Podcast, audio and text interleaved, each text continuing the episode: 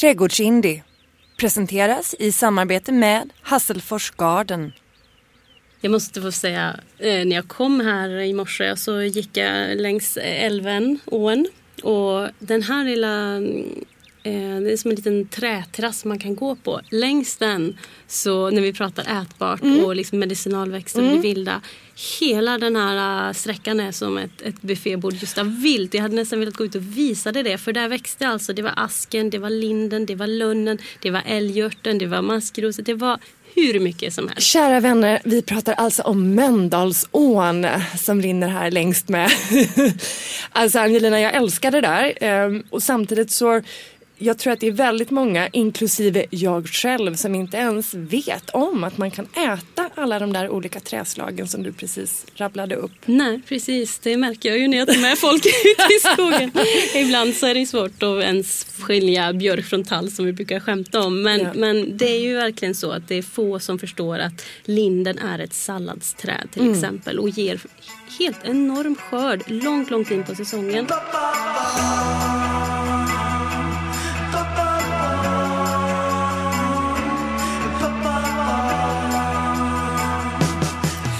Som vi redan har konstaterat lyser odlingslustens lampa allra starkast inom trädgårdssverige. Och när vi har kört på med köksträdgården ett tag så är det ju naturligt att vilja komma vidare. Att vilja bredda sig. En naturlig fortsättning på den annuella och minst sagt skötselintensiva köksträdgården är att lyfta blicken mot permakulturen och skogsträdgården.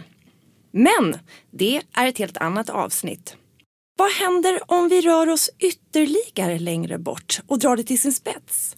Då hamnar vi utanför det odlade landskapet och befinner oss istället bland den vilda, ätbara floran. Jag heter Emily Bratt och det här är Trädgårdsindie, en annan slags trädgårdspodd.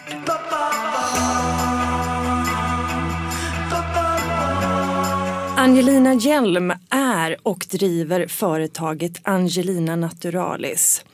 Hon är trädgårdsmästare, trädgårdsdesigner och jobbar med att förena naturens vilda flora med den kultiverade trädgårdens skönhet och funktion. Hon är läkarörtspedagog, certifierad i permakultur, certifierad green smoothie chef, håller kurser i vilda växter som mat och medicin och håller föreläsningar om raw food, örter, odling, hållbar utveckling och så vidare och så vidare. Hon har givetvis synts flitigt i diverse reportage och har också varit med i TV4s program Halv åtta hos mig. Jag är så glad över att få ha denna skogens drottning och gröna orakel här vid min sida idag. Min gamla klasskamrat Angelina. Hej och välkommen! Tack så mycket, hej! Underbart! Hur länge sedan är det vi sågs egentligen? Alltså det är 12 år sedan tror jag. Är det det? Jag tror det. 2000, ja, 2008 gick vi ut, ja. trädgårdsmästarutbildningen. Och nu är vi på 2018. Ah. Så, ja, det är tio år. Jösses. Ja, men det har nog varit kanske någon klassträff däremellan också. Ja, en och annan. Ja, men så mycket mer har det inte varit. Och nu möts vi här. Och nu möts vi här. Ja, jag är så glad alltså. Idag så ska vi prata om den vilda ätbara floran. Och det är ju lite utav ditt specialområde, eller hur? Mm, det är någonting som jag sedan ganska många år tillbaka har varit kanske mest passionerad kring. Att eh, observera den naturliga floran som vi har omkring oss och allt det som växer kring våra fötter. Och förstå hur vi kan använda det både som mat och medicin och förena nytta med estetik när man lyfter in det här sen då i trädgården och skapar det som du var inne på här i början, en mer perenn trädgård eller en skogsträdgård. Men eh, det som jag vurmar och brinner allra mest för det är ju att föra med människor ut i naturen, i det vilda och visa att vi i princip går omkring på ett buffébord av mat och medicin. Wow, det låter ju helt underbart. Mm. Och det låter extremt hett måste jag ju säga. Det låter ju som att det ligger helt rätt i tiden. Eller vad säger det? Har du mycket sådana här eh, hipsterextremister på dina vandringar? Eller? Ja, en och annan kanske men framförallt har det dykt upp väldigt mycket böcker och väldigt mycket en kultur nästan inom foraging. Där det är folk som ger sig ut, mästerkockar och deras botanister som ger sig ut i skog för att hämta de här växterna då som har en helt annan smakrepertoar än vad de odlade och annuella växterna har. Så det där är ju någonting som börjar bli väldigt intressant. Och för mig så att se just de här som lite slentrivant kallas ogräs. Som för mig är växter som växer kanske där vi egentligen inte riktigt vet att vi vill ha dem. Eh, och börjar man lära sig och förstå hur man kan använda de här äh, växterna så tror jag att vi skulle spara oss själv en hel del oönskade konsekvenser och få en massa spännande mat, massa spännande nya smaker. Bespara oss både tusenlappar och diverse vitaminpiller kanske. Mm. Så det finns väldigt mycket att hämta där. Eh, och ett exempel på det är till exempel maskrosen som odlas som delikatessgrönsak i Frankrike och säljs då ganska dyrt här på marknader. Och så kan man dra den parallellen till till exempel rucola här som vi går och köper för 800 kronor kilot i butik. Den är 20 spänn för en liten påse. Eh, när vi då i princip snavar över de här eh, maskrosbladen överallt och kan hitta väldigt mycket liknande bittra och häftiga smaker i dem. Är det just maskrosbladen som eh, säljs i Frankrike eller är det, äter man hela blomman? Du kan äta hela växten så den används ju på väldigt många olika sätt. Ja för visst färgar man med den också? Inte vad jag vet, inte Nej. så mycket med maskrosen. Nej. Men den här roten den har ju använts väldigt mycket förr. Nu tar du en klunk kaffe här. Den används som kaffesurrogat. så förr i tiden, då, oftast i lite nödtider, så grävde man upp de här rötterna och torkade dem, rostade dem och så gjorde man då en mörk brygd som, som var ett kaffesurrogat. Nu tycker inte jag att det här smakar direkt kaffe. Det är mer som ett starkt, eh, lite orientaliskt te kanske. Okay. Men, eh, men eh, de innehåller väldigt mycket intressanta ämnen, bland annat då mm. bitterämnen som är så som maskrosen är väldigt känd för. Mm. Och vi kan gå in på det senare men också bladen är ju mm. precis som rucolan en väldigt fin ja. liksom salladsväxt. Ja. Eh, sen har du ju skälkarna på maskrosen. Det är inte många som tänker på det. Nej. Men, eh, men. men du vet när man går ut på ett fält ibland och ja. så kan man se att det bara är, men det är hur mycket maskros som helst. Så man kan nästan ta hela famnen full av de här blomsterskälkarna. Mm. Så kan man koka dem som spaghetti. Som Nej! nudlar. Jo. Vad säger du? Det här är ju så jävla flott. Det är alltså. som vildspaghetti alltså, som växer där ute. Men hur är konsistensen? För jag är konsistenskänslig. Ja precis. God, um... Är du konsistenskänslig så skulle jag nästan blanda upp dem med kanske några risnudlar någonting så du får lite mer fluffighet mm. i dem för de är lite mer dens. Yeah. Men de har en häftig smak med lite, lite örtsalt, lite olivolja så blir de en, ändå en väldigt intressant eh, anrättning på bordet skulle jag säga. älskar det. Och det känns mm. ju precis som du är inne på här. Alltså det den där rätten skulle man ju lätt kunna få på någon riktigt flott lyxig oh ja. restaurang, eller hur? Maskroskapris, alltså maskrosknoppar inlagda är ju ganska vanligt. Även de här vackra, vackra blommorna som då är den söta delen på maskrosen, smakar lite nektar, används ju flitigt som dekoration. Eller för att söta markera maskrosirap. alltså det här är en växt nu vi pratar om och det ah, finns en enorm ja. variationsanvändningsområden. Alltså jag, jag blir så tänd. Eh, det här känns, eh, det är väldigt långt borta. Jag har inte kommit så så långt eh, på min gröna ätbara resa utan jag är mer eh, kanske där de flesta är eh, på, så att säga, om vi, om vi pratar om köksträdgården, den annuella köksträdgården eh, som ruta ett. Mm. Eh, där är jag fortfarande. Sen har jag eh, ambitioner och eh, drömmar, framförallt drömmar eh, om att utveckla en del av skogen på våran baksida. Mm. Eh, och där då skapa den perenna köksträdgården eller skogsträdgården då. Mm. Um, ja, ett väldigt klokt eh, steg tycker jag som kan Eh, alltså för min del när jag har byggt upp de här perenna köksträdgårdarna så det handlar väldigt mycket om att jag är lite, jag vill inte lägga ner för mycket arbete. Jag vill att det ska vara ganska lättskött, jag vill kunna åka iväg. Och jag menar den här planeten har utvecklat så sinnrika system som har evolverat fram med olika lager av växter som gynnar varandra i då polykulturer som det kallas. Det. Eh, de tar upp näring från olika jordlager, de ena kvävefixerar, tar näring från luften, omvandlar till jorden, ger till andra växter. Så de har den här samverkan mm. som ju gör att du själv behöver vara och peta mycket mindre. För vi vet ju att en köksträdgård är ganska intensiv. Ja, så att egentligen särskilt med tanke på dagens eh, minst sagt eh, hektiska, eh, eländiga liv, jag på att säga. Nej, det är det ju inte bara. Men då är det ju egentligen det systemet man ska jobba efter, eller hur? Eller kom komplettera, ha Komplettera, kompletterande visst. system. För att de, den ettåriga köksträdgården är ju fantastisk. Den ger ju rik skörd, den ger mycket på en gång. Eh, Du kan, du, det är oftast väldigt, ehm, du vet vad du får när du sätter ner de här fröna. Den perenna trädgården den kräver betydligt mindre skötsel. Du får eh, grödor från tidig, tidig vår till sen höst. Till och med på vintern kan du gå ut och plocka vissa knoppar och så vidare. Eh, den är mycket mer stabil, ett stabilare ekosystem genom att den, Ja. växterna är etablerade och så vidare. Ja, Eh, och sen då den vilda floran som ju kommer ännu tidigare och där du kan Just gå ut och verkligen Ja. samla de här växterna hela året runt egentligen beroende på vad du vill plocka. och den perenna köksträdgården då, eller skogsträdgården. Eh, och eh, den vilda. Eh, den vilda eh, ätbara floran. De två, finns det några tydliga gränser där eller blir det nästan som att de två kan man väl säga att de integreras, in, integreras i varandra? Det gör de ju fast det är ju ändå ett- system som du på något sätt skapar Ja. och designar Ja. och där du kan välja att lyfta in olika skönhet, pollineringsnyttoaspekter. Ja. Eh, och du väljer ju selektivt vilka växter du vill ha där och i vilket syfte. Den vilda floran Är den, alltid en vild flora. Den är en vild flora och den Ja, varierar beroende på var i landet du bor. Bor du vid havet, bor du i inlandet och så vidare, uppe på fjällen. Just det. Eh, så där är det ju mer ett tager vad som, vad som finns. Exakt. Eh, men då har du ju också oftast ett optimerat näringsinnehåll i de här växterna. Det tycker jag är väldigt fint att peka på. Varför plockar de vilda växterna? Varför använder de? Förutom det vi har varit inne på med smakrepertoaren. Eh, och Maskro till exempel, finns, det finns en jättefin bok som, som är en, en finsk författare som jobbar på en gourmetrestaurang. Och han använder maskrosblad med blåmögelost till exempel. Sådana kombinationer som jag tror man behöver inspireras till för att förstå hur vi ska använda dem.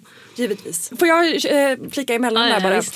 För jag tänkte på det vi pratar ju ofta om att eh, utgå ifrån platsens förutsättningar. Eh, när vi pratade om eh, att jag har fått en trädgård här i ett avsnitt. Eh, så handlar det om att Ja, det är så man jobbar idag helt enkelt. Utgå från biotopen eh, eller från ståndorten.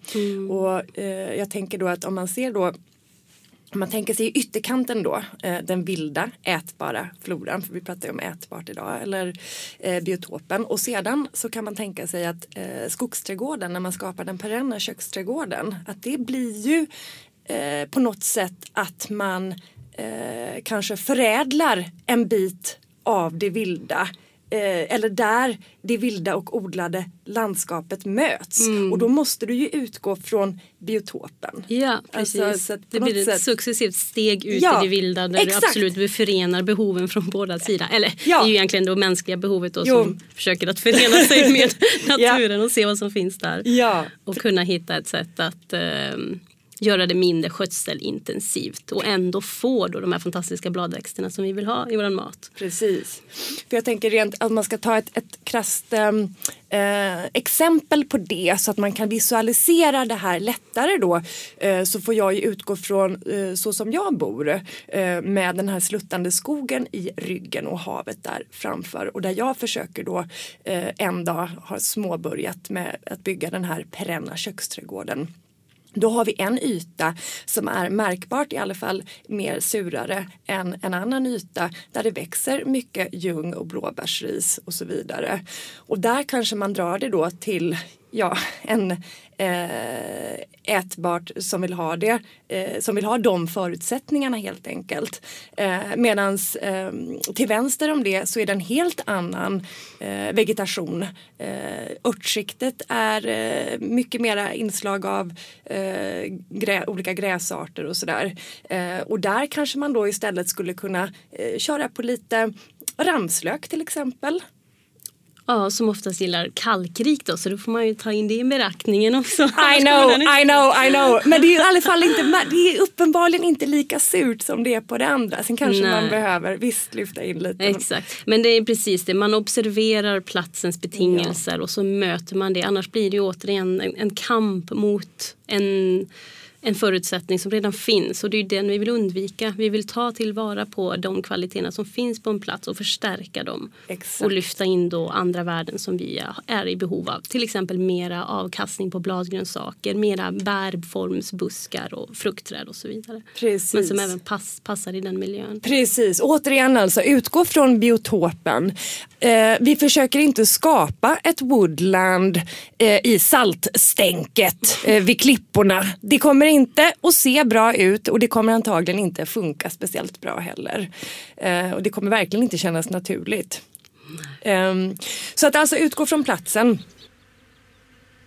Så var jag på en, liksom, en ekobutik i Stockholm här sist ah. och där sålde de då en pytteliten påse nässla för 200 spänn. Ja det är som ett jävla... Eh, så man förstår, men det är ju fint också för då förstår man ju att man börjar inse värdet av de jo, här jo. växterna. Dels Absolut. att de har oftast mer näring i sig. Dels att de har spännande smaker som vi börjar vilja bekanta oss med. Jag menar förr rynkade ju folk åt bittra i kaffe och mörk choklad och nu mm. är det ju mm. det är det folk Regular vill ha. Basis. Ja, ja. Så jag tror kanske att den här eh, vilda foraging-trenden kommer att dra sig dit.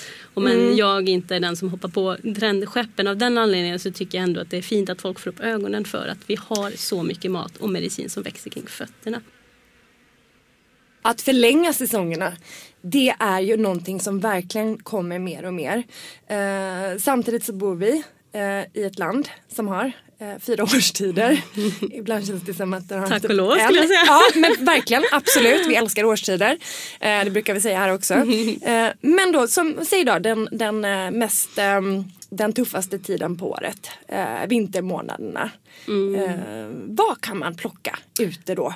Ja, om man ska gå ut och plocka då, då är det knoppar man får rikta sig in på. Yeah. Så det är ju inte den mest frikostigt rika måltid man kan ge sig hän. Nej, inte om det, om det, om det enbart ska Om man vill äta det färskt då, yeah. utan då har man ju förhoppningsvis sparat och torkat och lagt Just in och så vidare det. innan. Men mm. om man nu vill ge sig ut mitt i vintern och ändå smaka på vad mm. naturen har att erbjuda, mm. då är det dels eh, knoppar och man kan smaka på till exempel björkknoppar som har en väldigt intressant citrusört örtig arom. Så den går alltså, björkknoppar. björkknoppar. Och då man märker också när man tuggar på de här att de är väldigt fiberrika. Så en liten handfull sådana björkknoppar om man är ute och vandrar i fjällen eller på en skidtur kan ge en viss mättnadskänsla. Okay. Så det är ändå lite kul att veta om. Och lindknopparna också. Alltså, trädens knoppar kommer ju redan på hösten och börjar då svälla och sitter sedan där och vilar och väntar på att våren ska komma. Mm. Så innan dess så kan man knoppa i sig de här knopparna. Mm. Ehm, och då är det ju såklart en ännu större svårighet botaniskt sett att identifiera vad som är vad. Så då behöver man följa med på en pedagogisk örtvandring. Exakt, exakt. Och eh, precis det skulle vi komma till där. Och nu, nu kastar jag mig här därför att det bygger ju på att du vet. I, ja. Alltså jag kommer ihåg barknoppstentan. Eh, Lignåstentan. ja. precis. eh, eller lignostentorna. Först i avlövat tillstånd eh, knopparna och sedan mm. med löven var det ju. Det är också som två olika grejer. Liksom. Oh ja, ja, helt olika. Um, ja, men uh, att få gå med då och anmäla sig på en av dina härliga örtvandringar till exempel så man lär sig mer. Finns det någon litteratur måste jag ändå när alltså, vi pratar. Skogsskafferiet.se på nätet är ju ah, en väldigt tillgänglig sida där man kan nästan googla och hitta vad som helst som yeah. finns i den svenska vilda naturen och även då förväxlingsrisker. Så det är ju faktiskt en fantastisk bibliotek. Och den är pålitlig. Jag tror att det är väldigt många här som är också, vi är ju lite ängsliga Mm. är vi ju, kan vara. Och många tänker säkert att men gud, så här, jag kan inte riskera eh, att plocka någonting som skulle kunna vara mm. giftigt. Som till exempel på det här skogsskafferiet då, mm. .se. Eh, är det helt tillförlitligt? Ja, det skulle jag säga. Men det är ju alltid på ditt eget ansvar att se att du har plockat rätt växt. Yeah. Och nu är det ju så att vi har otroligt mycket ätbara växter och inte alls lika många giftiga växter i Sverige men särskilt då den flockblommiga familjen där vi har sprängört, ordört, viltpersilja. Det är ju växter som man kanske då ska sätta sig in i och läsa på hur de ser ut ah. och kanske inte börja med att plocka hundkex och spansk körvel till exempel. Ja, utan man ger sig på andra växter. Kirskålen är ganska lätt att känna igen, den är i samma familj. Men man känner igen det, man krossar skälken, man luktar på den, man känner den här väldigt mm. starka sellerismaken. Man ser de här tre uddsbladen i toppen och den här nästan lite tumbandslikna bottenbladen. Mm. Eh, så att man får liksom ta en flora till hjälp och sätta sig in i och läsa eh, texterna på Skogsskafferiet till exempel. Eller välja och, Bo Mossbergs flora, en sån klassisk flora som man använder för att botanisera fram växter. Så menar du att det är eh, växter inom familjen flock? Flockblommor, Som ja. är, som, där det finns mycket risky. Där har vi våra giftigaste växter som man kan Ah. dö av. Precis. Så det är några av dem som man behöver lära sig s- innan man ger sig ut och plockar flockblommiga Mm. Och växter. flockblommiga som sagt, eh, som vi var inne här på, det är Mm. alltså till exempel persilja, morot och så vidare. Exakt. Ehm, Mm, hundkex och Ja. de vilda. Mm, så att, men jag tycker inte att de få växterna som finns som är giftiga ska avskräcka oss för att använda de tusen och åter tusentals Nej. Mm. ätliga växter som vi har. Eh, för att det är, det är inte så, det krävs en liten känsla för detaljer men det är inte svårt att lära sig. nej, det är det Och, faktiskt inte. menar, vi har ju vi har maskrosen, vi har nässlan, vi har kirskålen, vi har linden, vi har björkbladen, vi har bokbladen, vi har granskotten och så vidare. Ängsyror finns ju massor som är ganska lätt att identifiera och Mm. Ja, använda. ja, verkligen. Ehm, verkligen, du har verkligen rätt i. Och det är intressant när folk smakar på de här växterna ute i det vilda för det är många i vuxen ålder som faktiskt aldrig har smakat på ett björkblad eller aldrig har smakat på en ängsyra och reaktionerna. Nej, det tror jag verkligen ehm, du har rätt i. Jag har inte smakat på ett björkblad. Shit alltså. Det, jag älskar att du ska hem till mig sen Ja. så ska vi gå ut och botanisera. Skördesallad, en skogsbladssallad. Ja, ja precis. Nej, gud vad häftigt alltså. För jag, jag tror så här att ehm, rätta mig om jag har fel, men jag tänker ju spontant att eh, den vilda ätbara eh, floran för folk, eh, det är i princip diverse bär och svamp om man nu kan säga att svamparna är, ja, Ja, tillhör floran då. Men Ja, ja, svamp och bär skulle jag säga. Tänk kanske, ja, kirskålen har kommit, det som du säger, det, det har folk ju börjat Mm. ehm, förstå. Eh, harsyra kom jag på när jag skulle fundera på vad jag har, har plockat i naturen och det är liksom inga mängder. Det är inte som att man kanske gör bara en sallad, det kanske blir lite surt för magen. eh, kanske lite lite, lite Ja, mycket det jobb också, att plocka. det också, det också. Precis. Däremot innehåller fem harsyreblad dagsbotat C-vitamin har jag sett i en studie, vilket är intressant. Det är bra.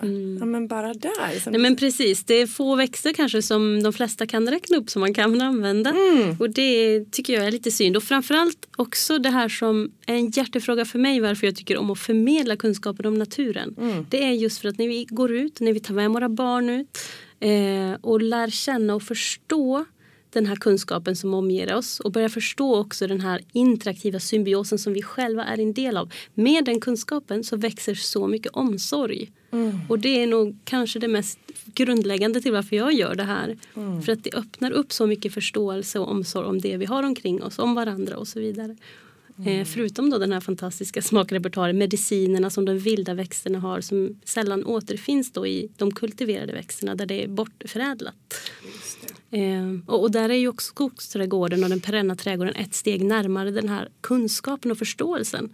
För det kan man ju också, trädgårds, trädgårdslivet kan ibland vara ganska eh, motsätta sig nästan naturen i sättet Ja, vi, arbetar på. Det, det märker vi nu vi lägger ner jättem- jättemycket intensivt arbete. Och just den här övergången till det med perenna och det vilda då behöver du ha en annan förståelse för jord. Eh, hur ser jorden ut? Vilka ver- verksamma ämnen finns det där i? Hur bygger du en bra jord och varför? Och den här med, med biotopens eh, vilken jord ska vara på den här platsen och varför. Och Vilka insekter bör finnas där och varför är de här växterna stabila och de har det här naturliga skyddet mot och så vidare. Det finns så många aspekter som är eh, för mig väldigt värdefulla. Eh, Och inspirerande framförallt då för jag tycker att ju mer jag lär mig om vilda växter och ju mer jag lär mig om egentligen alla växter desto mer fascinerad blir jag. Jag tycker det är helt, eh, den rikedomen den slår mig verkligen många gånger.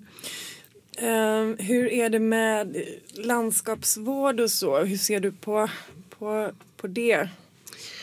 Eh, det är ju kanske ett annat kapitel. Där tror jag också människan någonstans försöker förena eh, den, det kultiverade landskapet som ju vi är väldigt vana att omge oss med och eh, som har, där vi har hjälpt till tillsammans med djuren att skapa andra typer av biotoper som vi ser ett värde i att behålla. Där kommer väl landskapsvården in. Nu är inte jag landskapsvårdare så det är inget område jag ska Nej. gå jättedjupt på. Men Jag tycker det är spännande jag, jag tycker det är en, en viktig fråga och det är ju en väldigt aktuell fråga eh, med eh, alla marker som håller på att växa igen. då vi inte har eh, några betande djur där längre och vad som händer. Jag tänker, mm. Men som du säger, det, det, är ju kanske en konstlad yta från början. Alltså jag tycker väl det stora, det stora problemet eller det vi behöver rikta uppmärksamhet på det är ju snarare de öppna ytorna där det inte finns något som vi har påverkat. Alltså där vi har öppnat upp jordar, där vi har de här ja, men öppet sår i ja, naturen ja. i princip. Mm. Eh, där tycker jag det är, det är, en större problematik kring det. Mm. Genom att vi äter dagligen ganska mycket mat och dagligen förstör väldigt mycket jord. Mm. Eh, och det är återigen där permakulturen ju har spelat en väldigt stor roll mm. som börjar förstå att vi behöver lyfta in de naturliga principerna för att skapa ett hållbart jordbruk. Ett hållbart jordbruk som ger mera näring tillbaka till jorden. Oftast lämnar den i bättre skick efteråt än vad den var från början. Det är ett hållbart jordbruk. Mm. Och det kan vi se genom historien. Vi har ingen civilisation som har överlevt som har förstört sina jordar. Mm. Det, menar, det är därifrån näringen kommer. Ja, jag tänkte bara fortsätta säga några ord om de här eh, jordkompisarna som våran samarbetspartner Hasselfors Garden har tagit fram. En av dem är ju maskgödsel. Ett ord eller begrepp som vi ju har blivit eh, lite bekanta med de senaste åren. Och maskgödsel då, det är alltså ett gödsel som är ja, producerat av dagmaskar helt enkelt. Eh, den svenskproducerade och kravmärkta maskgödseln den kan man ju använda som effektiv jordförbättring i både pallkragar och krukor men också som en dress eller blanda då med vatten och då blir det ju ett härligt gott kompostte av det helt enkelt. Och vad det gör är att alltså det stärker rotbildningen och främjar blomningen. Sedan så tillför det både växtnäring och en mix av rikt mikroliv då som ju har givetvis en gynnsam inverkan på växterna. Dessutom så är det klimatsmart eh, och boostar alla dina växter såväl ute som inne. Vi pratade om en hållbar odlingsform förut. Ett mm. system som efterliknar naturen för ett hållbart odlande. Eh, då kommer vi in på det som vi egentligen inte ska prata så mycket om idag, men permakulturen, eller hur? Perma, precis, permanenta system, det som naturen i princip är eh, byggt på. Där vi har perenna växter som återkommer, som är stabila, som är i eh, polykulturer, alltså i en eh, fördelaktig relation till andra växter. Där vissa växter då drar näring från djupare jordlager med sina polrötter, som vallörten till exempel. Mm. Andra växter binder kväve från luften, omvandlar till näring i jorden, som silverbusken. Och andra växter, mm. eller som alen då, som är en sån växt också. Eh, och andra växter som växer på höjden, bildar en stor krona, har mycket lövverk som blir mycket god mull sen och ger skugga, vandrande skugga och så vidare. Ger stöd till andra växter att klättra. Och, Alltså precis, det handlar om att observera naturliga principer och att implementera dem och möta då våra behov som människor i form av föda och rena vatten och så vidare. Med syfte att skapa och ordna en hållbar självförsörjning helt enkelt. Ja, få någonting att vara cykliskt, att gå runt så som det alltid har varit. Så som det är tänkt, precis. Uh... Och det krävs ju kunskap och det, det, krävs ett annat förhållningssätt än att kanske bara odla för estetikens skull. Just det. Och det gör också att det blir mindre skötsel och det är faktiskt ganska fantastiskt. Precis. En som sagt återigen då den eh, minst sagt skötselintensiva annuella köksträdgården. Men som vi också ändå ser som ett komplement till detta.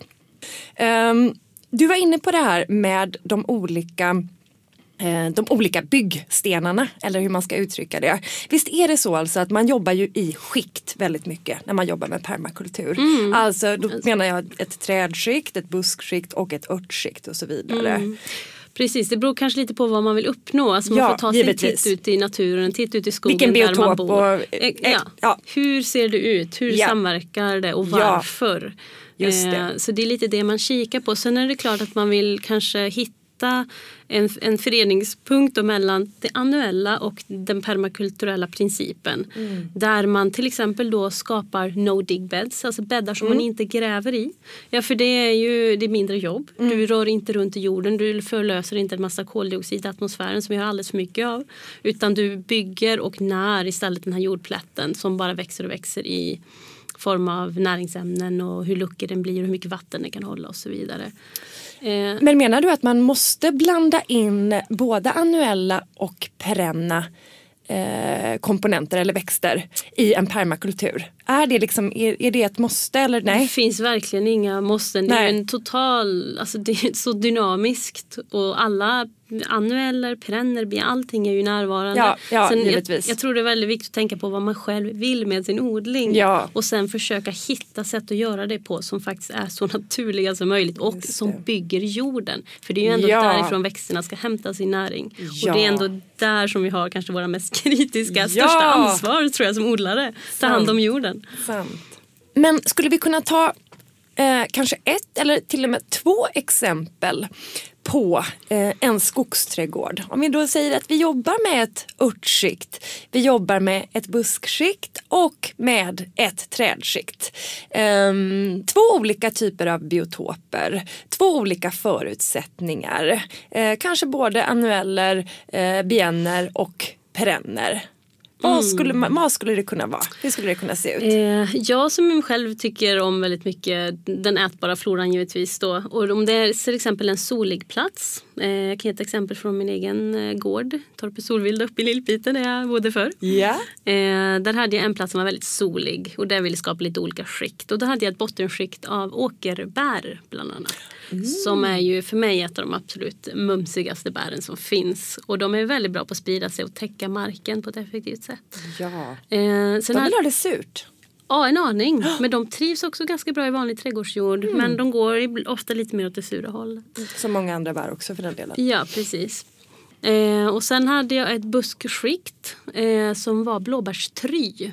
Mm. Som ju får fantastiska blåbärsliknande bär som blir väldigt avlånga och har en liten aning ton av blåbärssmak. Ger väldigt mycket. Väldigt fina buskar också, lite rundade och frodigt gröna och så. Eh, torktålig. Eh, åkerbäret är också ganska tåligt. Tåltorkar mm. bra och får starkare smak på bären och så. Så de två kombinerade jag. Eh, och sen hade jag hagetornsträd mm. ovan det. Så det var väldigt bärinriktat då. Hagtorn, alltså Categus monogyna då? Ja, För, precis. Okej, okay, men underbart. Där hade jag ju tänkt att hagtornet Eh, jag hade nog inte tänkt liksom hagtorn och blåbär. Nu var det blåbärstry i och för sig men förstår du? För, det, för mig blir det en en klatsch med okay. Eh, biotopen. Men det, kanske, det mesta i och för sig, det är ju inga extremer. Nej, det är ganska klassisk ja. trädgård, eh, solig. Ja, men jag vet inte, ibland får man bara för sig. Jag tycker man är så jävla ståndortsskadad ja, ja. när man har jobbat med offentlig miljö mycket och sådär. Mm. Så, jag vet inte. Mm. Men du är, känd, du är väl också väldigt mycket inne på kombinationer av estetik tänker jag. Är inte det riktigt färg och bladform och Hela den... Nej, alltså inte, inte så mycket längre skulle jag okay. säga. Och färger är ju väldigt kul. Ja. Färger är absolut, absolut. Men, eh, men, men mm. nej, jag, jag, jag, är, jag är präglad och skadad um, av de här mm. ståndorts, av ståndortstänket. Men byt ut eh, hagtornet mot ett äppelträd då, eller körsbär eller något liknande så att du får en, ja, en annan bär eller fruktsättning. Ja, och sen har du ett, ett, busklager som också ger någon form av bär eller buske. Sen mm. kanske du vill lyfta in då någon, någon perennväxt som ger mera blad, blad, intressant bladverk som du kan använda och äta. Just Skulle det. kunna vara någon trädgårdssyra eller något sådant. Är den perenn, alltså den ja, syran? Mm. precis den mm. är perenn. Mm. Okej, okay, och det var den ena. Då var ju det en solig plats, en gnutta surt fast också relativt normal. Blåbärstryet i den vanlig. vanlig så ja. den behöver inte ha det så surt som till exempel amerikanska blåbär eller nej, så. Nej, nej, det är en helt annan buske. Det är en helt det annan buske. Det är alltså lonisera. Det är lonisera ja. Yes. Okej, okay, men sorry, nu, mm. nu gör jag om då. Okej, okay. jag köper då en lonisera eh, och så köper jag Crategus monogyna. Eh, men då är det åkerbäret där jag inte riktigt men det sa du i och för sig. Det är bara för att jag brukar rekommendera eh, det som undre vegetation till till blåbär eller amerikanska blåbär eller till roddisar och så mm, lite mer surjord. Sur. ja, mm, men de ja. trivs oftast och utvecklas bra om man har en schysst trädgårdsjord som inte är så sur. Ja, men bra, bra att veta. Mm. Underbart. I alla fall upp hos mig då. Uppe i norr det. Men det, jag, jag har inte prövat det själv så mycket så det ska tilläggas. Det är ju alltid det som är det bästa kvittot, eller hur? Och det vet vi ju också. Vi brukar ju predika mycket om det. Att det mesta, det går alldeles utmärkt. Det finns så mycket eh, idéer om hur saker och ting ska göras. Men det mesta brukar funka mer eller mindre alldeles utmärkt, eller hur Angelina? Ja, ja, det är verkligen experimentera sig fram. Ja. ja, men då är jag väldigt nöjd. Då är jag helt nöjd med, eh, med blåbärstryet där och det- det var loniserande. Så. Mm. Då går vi på nästa exempel. Har vi ett annat läge, en annan ståndort? Vad ska vi ta för ståndort då? Har inte du men- något trevligt exempel Nja. hemifrån? Nej, för jag har inte kommit så långt än. Men jag tänker, alltså det, det som jag drömmer om är just såklart någon form av Hassellund. Eh, Så då tänker jag mig en mer lundartad eh, miljö. Eh, inte så sur utan mera åt kalkhållet kanske. Mm. Ja, Ehm. då kommer ju den älskade ramslöken in kanske. Ja, få den exakt. att börja växa som undervegetation. För det, varit drömmer man ju om. Det drömmer man ju om. Ehm, så att en ganska så halvskuggig eh, miljö. ehm, med ja, just ramslök. Hasselbestånd och ramslök. Ja. Mm, absolut. Jag har nog inte kommit så mycket. Vet inte riktigt med vad jag ska komplettera. Jag kanske ändå vill komplettera med lite fina lökväxter. Det är ju alltid trevligt så man inte behöver. Får jag, får jag ha med det i min, i min skogsträdgård? Det är klart du får. Får jag det? Om de klarar att komma upp där mellan det väldigt täta perenna skiktet. Men det gör de nog förmodligen. Men det tror jag. Ja. Det penetrerar de där och kör absolut. Mm. Ja, men om vi kör lite någon gammal go eller någon, varför inte, någon allium. Någon, alltså, vi kan ju ta någon sån skogslökshistoria. Nu har du ju ramslöken där då som kommer att blomma otroligt Det är sant. vackert. I, så det kanske var kul att bryta av med någon, någon annan. eh, Det är sant. Men jag tänker om vi har en allium, alltså en mer um, kultiverad um, prydnadsvariant. Mm, någon Ehm, bollform eller? Ja, som kommer upp där så då. Mm. Eller varför inte lite kejsarkronor? ja. Ja, varför inte? Det, det, det Ja, kan jag det tänka mig ändå hade varit vackert om de reste sig upp den här ramslöksmattan. Eller vad säger du? Mm, det tror jag också skulle vara vackert. Det bryter av lite om man Det bryter av lite. ser på skönhetsaspekten. Ehm, Vad skulle vi, ja, vi, vi- nu sitter vi här och kliar våra huvuden och jag vet inte vad vi ska sätta in mer i den här Hassellunden. Um, ja men alltså, vi kan väl slänga in lite bärbuskar också kanske. Ja, det kan det ju. Nu är ju hassen, eh, det är ju det är faktiskt en buske då, så den har ju den buskekaraktären. Det har den. Men jag tänker det att går den sträcker på sig. Ja, ja, Ja. den blir ju, blir ju oftast trädelik. Precis. Benämningen, eller man tänker ändå mer som mer åt trädhållet eller så när det är såna här rejäla Precis. hasselruggor. Nej men det finns så mycket. Ja, det, är, det finns mycket. Uppenbarligen så har jag inte kommit så himla långt med de här, eh, med de här tankarna. Alltså, Eh, det är många, de, de här samplanteringarna är också, också oftast en grund för, ehm, för att få foder till djur till exempel. Att man Just har en kultur där man inom um, permakulturen så använder man sig oftast också av att ha djur som kan gödsla på plats och som kan beta på plats. Och att det finns foder för dem. Att det finns till exempel askplanter till exempel och askträd så att de kan beta utav. Man har ju oftast med an, fler aspekter än bara jag önskar att ha de här bär och buskarna och liksom, mm, den mänskliga födan om jag säger så. Mm. Och, och, och djurfunktionen eller djurens behov där det är ju egentligen inte så himla stort idag. Eh, Alltså, för vi har ju inte så många djur kvar. tänker jag. Det lät sorgligt. De, de, de är så extremt viktiga invånare för att överhuvudtaget systemet, det ska- alltså, det finns ju inga, det finns inga vegetar, jag själv då som är vegetarian, kan ju säga att det finns inga vegetariska system, permakulturella system. Det är en icke-existerande fråga. Så att eh, vi behöver ju faktiskt verkligen eh, våra kossor och får och getter och allt. Hön, hönor. För att få ett faktiskt välfungerande, jag menar vad gödsel och Ja, ja, ja. som vi behöver så inte särskilt intensivodlingen. Man kommer inte kunna ha en annuell trädgård utan att ha djuren och komposten. Liksom. Så att, eh, Men nej, just det. Nu är vi inne på... det är därför man behöver bredda sina vyer och verkligen Ja. lära sig och förstå att Ja. det, det, det är kanske lite mer ansvarstagande att vara odlare än vad man tror någonstans. Ja men eller hur, verkligen. Men du, Mm. eh, har- har du några djur nu i trädgården? Nej. Nej. Hur känner du? Jag, eh, jag sålde min gård här i augusti. Oj. Så nu, har- ja, precis, nu har jag lämnat Norrbotten och tagit mig till andra delen av landet. Just så nu det, bor jag sydligare i ett runt hus nedanför Borås. Och Ah. har ännu ingen trädgård utan är på väg att leta efter en ny gård. Tror du att, men är det någonting som du vill ha sen för att få till det här liksom, säga, kretsloppet? Eh, ja, det vill jag nog. Eh, jag är ju ofta, jag är ju mycket inriktad på växter och undervisning av växter. Så Mm. jag tror inte att jag kommer sätta, jag är inte, någon, jag är inte bonde, Bonde, som kommer nej. gå in på det. På men det några sättet. hönor till Ja, ja, vi- exempel eller sådär för att få till det där. Ja. Getter eller får eller någonting Ja. så att det kan bli en, någon viss egen produktion Ja. av gödsel. Eller då ha grannar som har, man kan ha det utbytet. Precis, precis. Ehm, när vi pratar om permakultur så ska vi också prata om biodynamisk odling. Alltså antroposoferna. Vad är det egentligen för skillnad med, mellan biodynamisk odling och permakultur? Det känns som att de ändå är sammanlänkade. Det frågar du en icke-antroposof. Jag är verkligen inte särskilt insatt i deras system. Jag har stött på det här och var. Mm. Eh, men vad jag förstår så lyfter de ju in en helt annan aspekt i Mm, odlingen. astronomin. Astronomi bland annat. Mm. Att följa. När jag reste i Australien så, så hade ju var och varannan konventionell bonde en månkalender. Det Ah. var vedertaget att man skulle använda sig av månens faser för att förstå du vet ebb och flod när vatten drar Ja, sig ja, ja. undan, när vatten drar sig närmare och så vidare. Så det var helt vedertaget. Det kunde varandra. Det var i bondpraktikan. Ja, ja, ja. Precis. Så det är väl precis en viktig del. Och man, eh, Mm.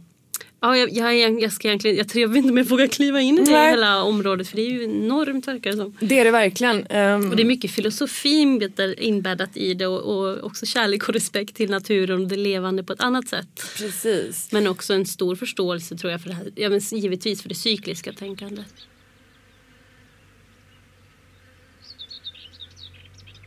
Eh, Vi pratade ju förut om att det här är ändå det här med viltplockat är ju en stor, stor eh, trend.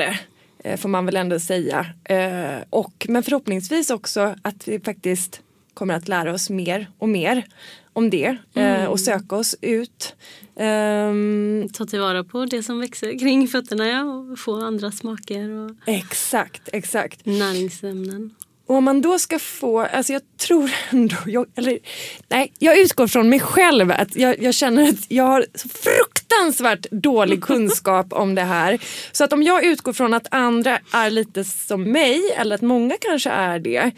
Var ska jag och vi andra ovetande eh, människor vända oss eh, förutom det här skogskafferiet.se men nu tänker jag Ja. på lite litteratur förutom dina kurser såklart. Precis, en pedagogisk vandring är väl såklart det bästa för då får man ju se växterna Ja, live. ja. Men, men det finns en hel uppsjö av eh, vilda ätliga växtböcker. Mm. Eh, en av mina favoriter som eh, är Stephen Barstows bok eh, 80 Plant around the world. Mhm. Han är en engelsman som bor i Norge och ganska långt ut i Norge mot eh, Trondheim till. Och denna man är ju också en fantastisk skicklig perennodlare. Han har ju tror jag planterat kanske 6000 perenna växter i sin trädgård.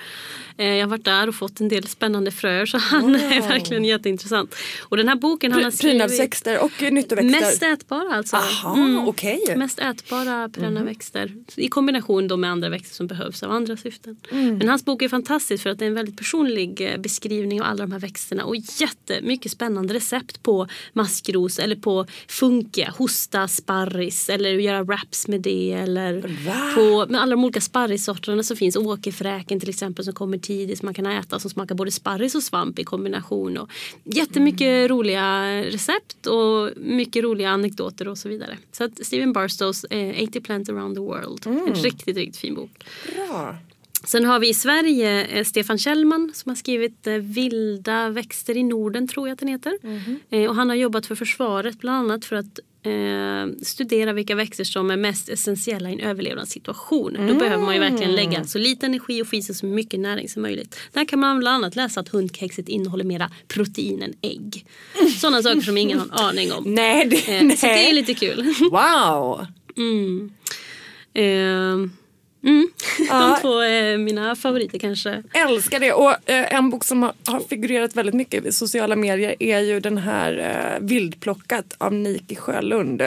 Som också driver Neonatur som säljer ätbara växter och svamp från Mm. naturen till diverse restauranger Ja. Mm. utgår jag ifrån. Kanske affärer också, jag vet inte. Där kanske man får flika in att jag också håller på att skriva en ganska gedigen växtbok med recept och örter och ätbara. Men det dröjer ju ett tag men den kommer. Nej vad roligt! vad ro- Har du, Mm. Yes. är, det, är det någon plan för när man får ta del av denna fantastiska? Nej det är det faktiskt inte. Jag Nej. tror att det kommer dröja några år faktiskt innan Ja. den är. För jag vill att den ska bli gedigen Det ska och bli en- ganska allomfattande. En jävla bibel alltså. en jävla En tegelsten. Underbart alltså. Ja. Wow. Mm. Och då förhoppningsvis så tänker jag att eh, jag tänker att det kanske är bra att den får, får dröja lite. Jag Att, eh, tror det. Mm. Då har det fått mogna och sätta sig lite. Precis som om vi då går tillbaka till att eh, det tog ett tag för oss att börja leva efter säsongerna eh, beträffande eh, köksträdgården. Eh, så, så kanske detta också behöver lite tid att sätta sig. Det är precis var och en vad ska jag säga, medborgare här i landet börjar ju faktiskt att öppna upp ögonen och tycker att det här är intressant. Ja. Det märkte jag inte minst på alla de här vandringarna jag haft nu. Det kommer Just det. hundratals människor som faktiskt vill lära sig om de vilda växterna. Så det börjar smyga sig in verkligen. Hur länge har du hållit på med de här uh, vandringarna? Eh, Vildväxtvandringarna? sedan, oj, sedan 2009 ungefär. Och vad skulle du säga då, 2009? Eh, det är alltså nio år sedan, eller 18, jag bara åh, alltså, jag minns mindre. Ja, eh, men hur, nästan tio år. Ehm, Ja, det är Mm. det är väldigt länge. Vad skulle du säga, vad är det för skillnad alltså när du började med detta? Mm. Ja, antalet människor är såklart jätteintressant men, men eh, ja. Oj, vad är det för skillnad? Eh, det är väl kanske allmänintresset som har vuxit sig ganska Ja. lavinartat. Ja. Ehm, också, I början var det ett stort intresse för de vilda växterna som mat. Mhm. Eh, och då pratade jag både om den vilda floran och då det vi hade i våra trädgårdar som ingen visste att vi kunde äta. Som till exempel funkia, hostan Ja. eller alla ätbara blommor vi har. Och, och nu börjar jag också se en ännu starkare fördjupning i just intresset för medicinalväxterna och folk börjar vilja förstå och ta hand om sig själva och, och ha, kunskap, alltså, ja, ha kunskap kring hur, hur jag faktiskt tar hand om mig på ett sunt sätt. Och då kommer ju ofta växterna in i den bilden. Mm. För det är en långsam, långsam läkning. Just det. Ehm, Så den utvecklingen har varit jättefin att följa. Och, och åldrar också varierar ju. ju- Det är allt från 10-12-åringar som kommer och är eld och lågor över den här kunskapen till de som är 90 år följer med. det är fantastiskt. Ja, det är verkligen fantastiskt. Och just kopplingen återknyta till kunskapen varifrån min mat kommer och jag kan faktiskt gå ut och plocka det här. Mm. Det, det finns så mycket självstärkande i det. Ja. Och jag tror också det där vi har em, en av de största baksidorna av vår matindustri på ett sätt. Att vi inte har kopplingen. Mm. Det är väldigt svårt att känna omsorg eller förståelse för ett paket man håller i handen och förstå alla de här chain of events som det har lett upp till. När man är Medan så man långt- går ut liksom. Ja. Ja, när man är långt bort. Det, det är Ja. svårt att känna den omsorgen eller om man inte har kunskapen och förståelsen. Såklart. Men går man ut och plockar, ja men då vet man ju direkt var det kommer från det kommer. Och så lär man sig också plocka till exempel inte nässlan alldeles bredvid en besprutad åker. För att den är en av naturens eh, sinnrika växter på att fixera kväve till exempel. Det blir väldigt rik på de här ämnena. Då ska man vara försiktig på var, vart man plockar det och varför. Och. Det, det, det. följer med så mycket fascinerande kunskap. Men du, eh, jag tänker på, det är en sak vart du befinner dig då om man vill rent geografiskt. Jag tänker Ja, att man jag vill är haka i hela på. Norden. Du är det? Jag är du på rör dig? örtturné från söder till norr. Du är på örtturné Ja. alltså. Älskar det. Älskar det. Eh, det hittar man på din hemsida, eller hur? Angelinanaturalis.com. Precis. Nu har jag varit nere i Skåne och eh, nu på här i Göteborg då sen mot Jönköping till. Sen brukar jag ta mig norrut via U Stockholm och Umeå och upp Nordnorge. Vi får se vart resan tar mig den här sommaren för den här sommaren kommer bli lite speciell men eh, man kan mejla mig också om man är intresserad och vill ha en vandring någonstans. Men det börjar alltså på, på våren? Börjar Ja, dina april, örtturnéer? April halv- ungefär, i till och med? Mm. Och när avslutas de? Vet du, det som är så fascinerande, det går att göra örtvandringar nästan hela året. Även på vintern kan man Mm. göra vinterståndsvandring, man kan titta på lignoser på knoppar och så vidare. Mm. Men det är klart, det är oftast mest inspirerande att göra det tidig vår. Så Mm. man kan gå ut sen och samla de här växterna. Men mitt i sommaren finns det hur mycket som helst att ta tillvara på. Mm. Och det, det man kan plocka vilt, det är många som är försiktiga med att bara plocka det på våren och sen plockar man inte mer. Men det är ju synd tycker jag. För det finns ju sånt matvärde i växterna även om de är större. Man får smaka sig fram. Man kanske inte alltid tycker kirskålen är god när den har blommat och stått länge. Men tycker man att den är god och man kokar den så kan man använda den. Så det går att göra vandringar långt in på hösten också. Mm. Men då får ju kunskaperna ligga där och gro sen över vintern och kanske glömmas bort lite grann. Just Innan det. våren kommer åter. Så. Just det. Mm. Och vissa växter är goda att skörda även på hösten hela, hela säsongen. Mm. Sådana som producerar nya blad som maskros och nässla och så vidare. Och sen kommer fröna och det är ju en annan plocka nässelblad. Det är ju en helt annan, det går ju, går ju långt som helst med det här. Ah, alltså det är underbart. ju. Vilka oändliga resurser det Ja, finns det- där ute. Det är sån rikedom och det var kanske den vackraste kom, eh, vad ska man säga, kommentaren jag haft på vandringarna. Det var några äldre kvinnor som kom och bara jag känner mig som en miljonär. Ah. Jag är så rik och det är verkligen för mig, det är kontentan av det här. Vi är så sjukt rika allihopa. Om vi bara visste. Om vi bara visste, ja precis. Ett bär som ju finns oförskämt stora mängder av, i alla fall där jag bor och på de flesta ställena tror jag runt om eh, i Sverige. Det är ju blåbäret. Angelina, vad har du att säga om blåbäret? blåbär. Ja. men gud vad fint att du tar upp ett bär. För att det, det är faktiskt ett bra exempel att ge. Eh, detta otroliga superbär. Jag tycker verkligen det är onödigt att importera gojibär från Kina när vi har skogarna fulla av blåbär. Och jag tror, om än vi är flitiga på att plocka här i landet så tror jag vi plockar ungefär 5% av alla blåbär i skogen. Och resten importeras? Nej, nej, alltså resten de är ju kvar. De äts ju upp av djur Jaha. och de förmultnar bort. Alltså, ja, vi importerar ju kopiösa mängder blåbär, jag vet inte hur mycket. Men vi plockar alltså bara 5% av det vi har och vi importerar då istället väldigt mycket andra bär. Så det finns så mycket blåbär i skogen. Och förutom det här fantastiska bäret som ju är, smakar gott och alla tycker om på alla vis. Så innehåller det ett jättehäftigt ämne som heter antocyanid som ger oss mörkerseende i 24 timmar. Och det räcker att äta en matsked. Då har man bättre mörkerseende i 24 timmar. Nej! Och det funkar då antocianider ökar genomblödningen i ögats slemhinna, eller i, ö, i ögat. Som gör att vi får ett förbättrat mörkerseende. Bland annat. Och det är lite Det är, vä- det är väldigt bra. Eh, Jag tänker Mm. på vi som utövar trädgård och som aldrig vill gå in nu på kvällarna. Ja, exakt. det är i och för sig ganska ljusa kvällar men det skymmer ju ändå och visst ser man lite sämre men då, då, Då jäklar. tar du näven blåbär och så, Ja, jag visste. så ökar den då genomsläppligheten så att man Mm. också sett att den är välgörande vid proppbildning bland annat. Men det är bäret men sen är det inte så många som vet att bladverket på blåbär är fantastiskt gott. Du nämnde harsyra här innan. Mm. Smaka på ett tunt fint vårigt blåbärsblad. Det smakar nästan som harsyra.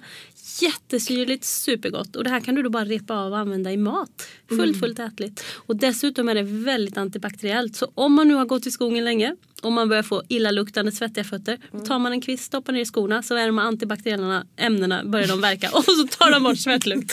Hur fantastiskt. Ja, men det är, jag älskar ju det här. Alltså. Ja, Wow! Man kan behålla någon slags fräschör också när man går och vandrar. Ja.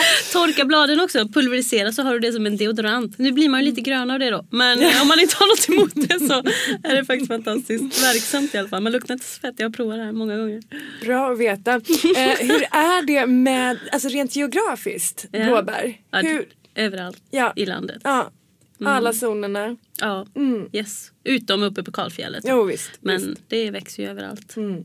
Bara, en sån sak. Bara en sån sak. Precis. Det är ju alltid lite stickigt i ögonen på folk att prata om sånt som till exempel bara kan växa eh, nere i Ja, zon 1 i Skåne eller sådär va? Ja, så- välkänd med den som haft trädgård vid Ja, poolcirkeln länge. ja, precis. Ja men det är bra, då är du... ehm, Jag känner den. Men då har jag ju känt mig, det märkte jag redan under trädgårdsmästarutbildningen. Alltså jag ville ta mig an utmaningen Jo. att inspireras av naturen och lyfta in naturens växter Mm. i trädgården och använda mig av dem för att skapa skönhet och så vidare, rum.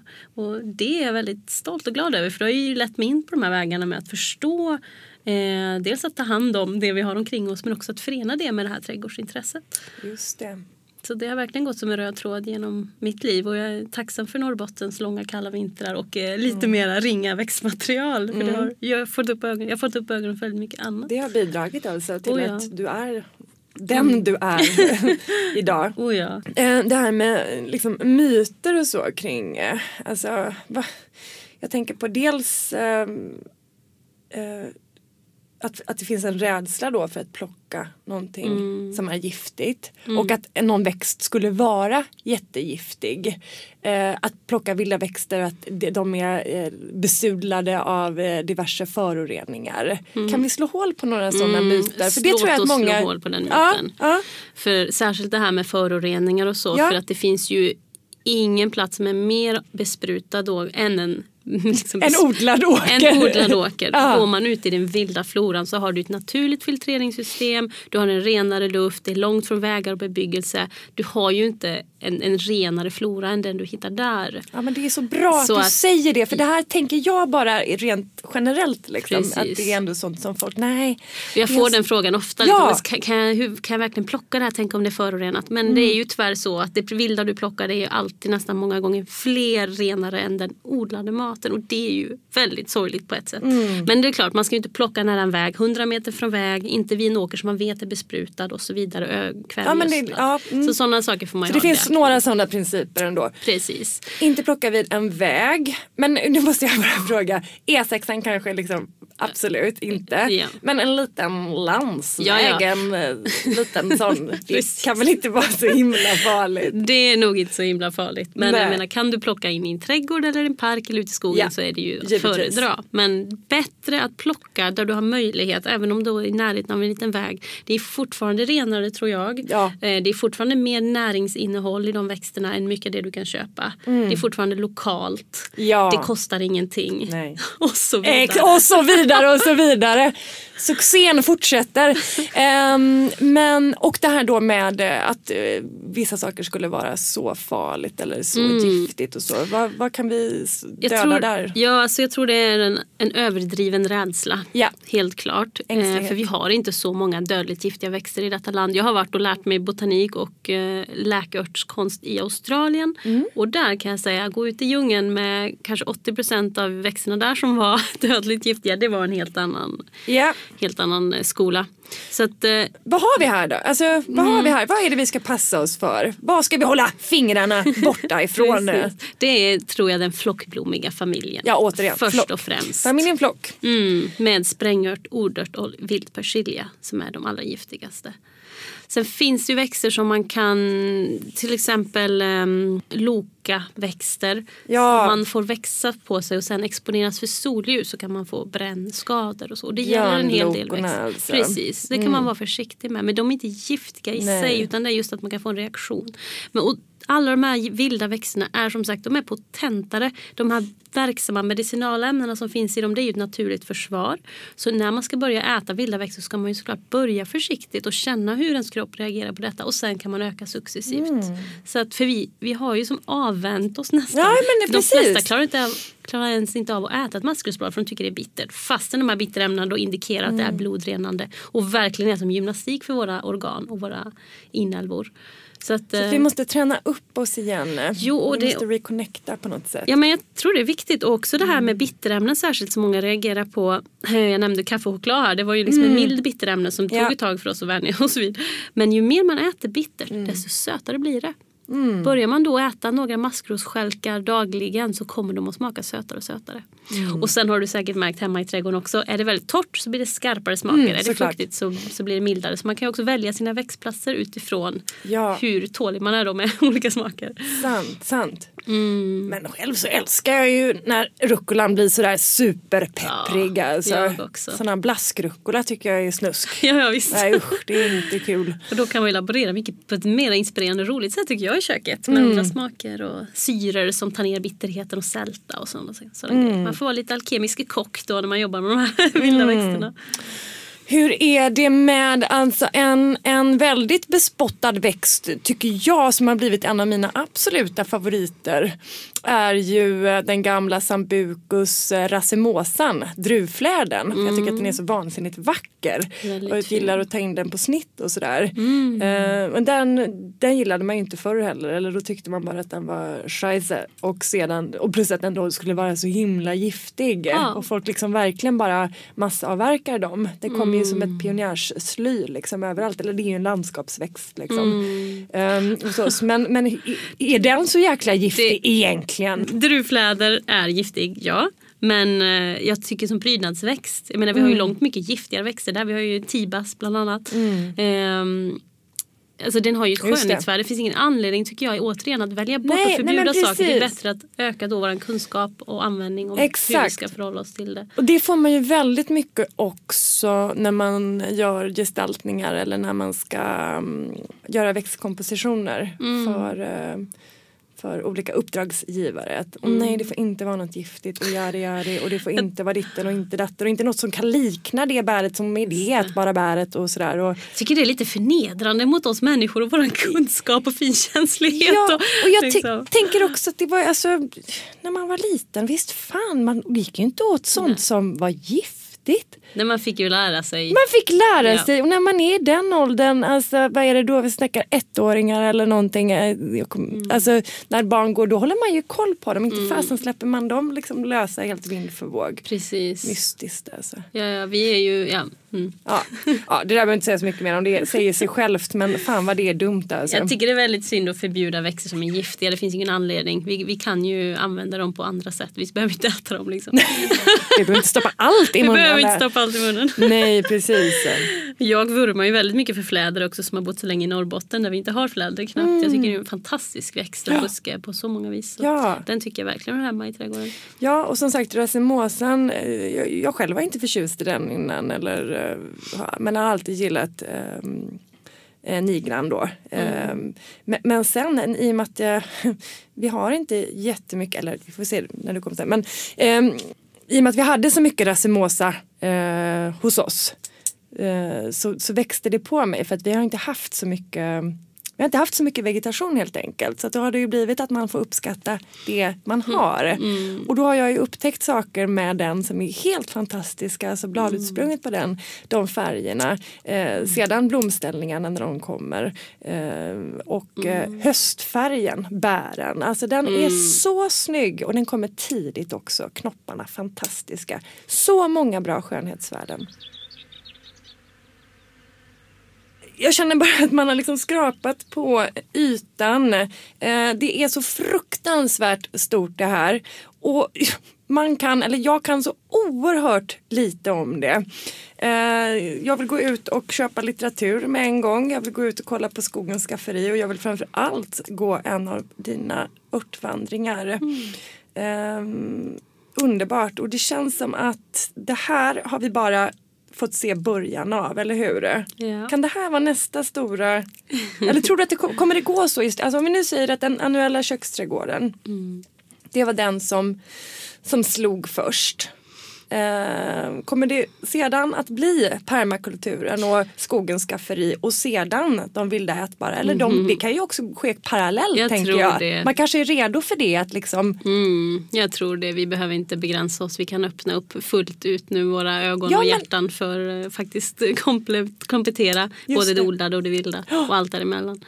Jag tror det, det, behövs också. Där vi befinner oss idag rent globalt så tror jag det behövs. Det gör det absolut. Men jag tänker på just att om vi nu säger att utgår från att vi har skaffat oss lite förkunskaper och framför allt så har vi fått ett intresse mm. för att odla våran mat. Yeah. Och då kommer vi vidare. Men att då kanske inte vi behöver ta det stegvis längre utan mm. eh, nu har vi fått så pass, eh, vi är så pass hungriga så att säga. Vi är mm. så pass mycket open-minded och yeah. eh, vi är redo att, att eh, se fortsättningen på de här olika och att det, det integreras ju också med mm. varandra. Det, allt hänger ju ihop på något yes. sätt. Och vem vill slita onödan? Man kan göra det enkelt för sig och få väldigt mycket på köpet. Sant. Ja. Sant. Och dessutom verka till fördel för alla, inte bara de mänskliga behoven utan lite mer långsiktigt. Så jag tror vi har den kapaciteten. Underbart, det finns hopp. Det finns hopp för mänskligheten. Tusen tusen tack Angelina för att du kom hit idag. Så oerhört spännande det här. Eh, och jag har aldrig känt mig som sån nybörjare som, eh, som den här timmen jag har suttit där. Nej men jag är extremt taggad, extremt uppfylld. Eh, väldigt peppad på att gå ut och lära mig mer. Och som sagt, du ska sova över hos mig idag och det ska bli så jäkla gött eh, att få lära mig mer om vad som finns i mina mm. omgivningar. Vi ska säga också att eh, kika gärna på våra sociala medier. Angeliner? Mm. Angelinanaturalis.com är hemsidan och eh, Angelina Naturalis på Instagram också. Strålande. Fortsätt följa eh, en annan slags tradgard på Instagram. Tusen tack för idag. Ha det bra!